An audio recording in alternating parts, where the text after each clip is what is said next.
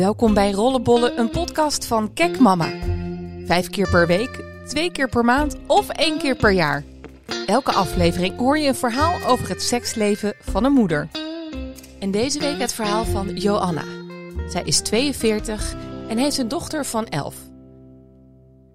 Sinds mijn scheiding ben ik seksueel losgeslagen. Ik ben een actief datende single met veel wisselende bedpartners.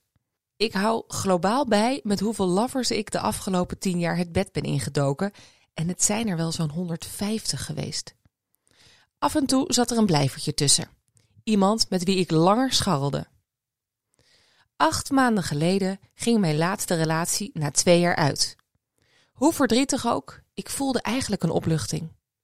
Toen we eenmaal samen een huis hadden, bleek hij niet de galante heer uit onze verkeringstijd, maar een hork die een verzorgster en een gezelschapsdame zocht. Hij kon ook niet alleen zijn. Vooral seksueel matchten we totaal niet. Mijn libido was veel hoger. Hij wilde hooguit twee keer per week, ik elke dag. Wel was hij voorstander van swingen en parenclubs. Op zich stond ik daar wel voor open. Maar niet zolang ons seksleven niet oké was. Ik vond het geen fijn idee dat hij in het weekend andere vrouwen bevredigde en mij ondertussen afwees. Als single vermaak ik me nu opperbest, met dank aan apps als Tinder en Happen. Als vrouw kan je eigenlijk elke avond drie verschillende dates hebben. Het mannenaanbod is huge. Zeker als je, zoals ik, duidelijk maakt dat je alleen uit bent op seks. Of hooguit friends with benefits. Mijn advertentie is eerlijk en direct. Ik zoek mannen vanaf 18 jaar, liefst met een atletisch gespierd lichaam. Mannen van boven de 45 blok ik. Ik vind ze onaantrekkelijk. Ze hebben vaak een bierbuikje of verzorgen zich gewoon niet goed. Jonkies doen vaak meer moeite voor een oudere vrouw. Het gaat mij dan ook niet om het vinden van een levenspartner, maar om een lekkere scharrel. Dus hoef ik ook geen concessies te doen. Ook viezerikken, mannen die zonder condoom willen vrijen, of types die van die dickpics sturen, kap ik af. Meestal reageer ik spottend met iets als: Is dat alles wat je hebt? In mijn advertentie staat namelijk ook dat ik graag groot gereedschap aantref. Piemels moet bij mij minstens 20 centimeter zijn of gewoon lekker dik. Nee, het gaat er niet om wat hij er allemaal mee kan. Ik wil de volgende dag gewoon nog voelen dat ik een leuke nacht heb gehad. Een andere afknapper is als mannen zeuren dat ze direct willen langskomen. In de week waarin ik mijn dochter Sophie heb, is dat een absolute no-go.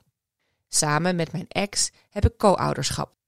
Is Sophie bij mij, dan ben ik fulltime mama en staat mijn appverkeer op pauze en spreek ik niks af. Zit er een gast bij die dat niet accepteert en toch blijft bedelen om aandacht, of dat hij wil langskomen als mijn dochter slaapt, dan blokkeer ik hem meteen hoe aantrekkelijk hij ook is. Laatst hoorde ik een verhaal van een man die bij een gescheiden moeder met kinderen bleef slapen. Halverwege de nacht kropen haar kinderen bij hen in bed, terwijl hij daar in zijn blote kont lag. Ik moet er niet aan denken. Ik houd mijn werelden strikt gescheiden. Mijn genot gaat niet boven de verzorging van mijn kind. Sophie hoeft niets te merken van mijn wilde wereld.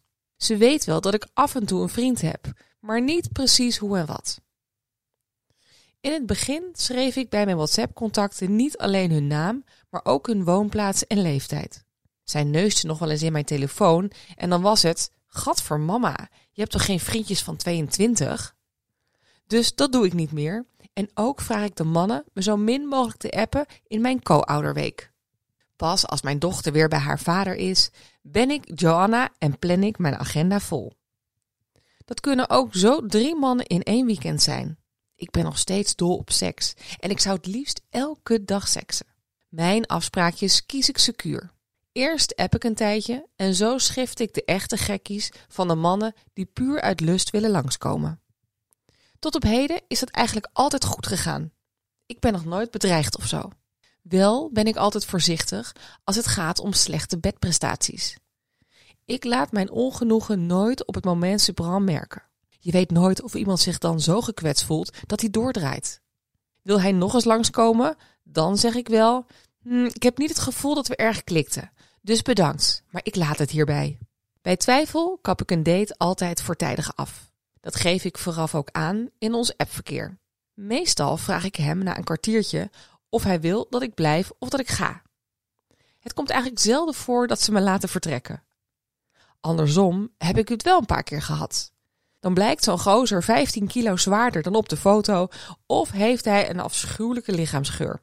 Dan wil ik geen thee of wijntje, maar een glas water. En zodra mijn glas leeg is, dan stap ik op. Sowieso zijn ik altijd een vriendin in bij afspraakjes buiten de deur. Zodat zij in geval van nood weet waar ik ben. En thuis staat er een honkbalknuppel naast mijn bed. Dan grap ik tegen zo'n man: behandel me goed hè, anders pak ik mijn knuppel. In de toekomst zou ik wel weer eens een vaste relatie willen hebben. Maar dan moet het eerst helemaal kloppen in de slaapkamer. Voorheen werd ik verliefd, verloor ik mijn hoofd en keek niet of het tussen de lakens wel echt matchte. Daarmee heb ik mijn hoofd aardig gestoten. Zowel de vader van mijn dochter als mijn laatste ex waren egoïstische minnaars. Nu kies ik voor mezelf. Ik word pas weer verliefd als ik echt een gelijkwaardige sekspartner heb gevonden. Iemand die me kan bevredigen, net zo vaak seks wil en open staat voor standjes en parenclubs. Tot die tijd geniet ik met volle teugen van alle onverdeelde aandacht van mijn jonge lovers. En dat was hem weer. Volgende week het verhaal van Margriet en Peter. Zij vreeën dagelijks de sterren van de hemel. Totdat ze in twee jaar tijd vier kinderen kregen. Luister je weer mee?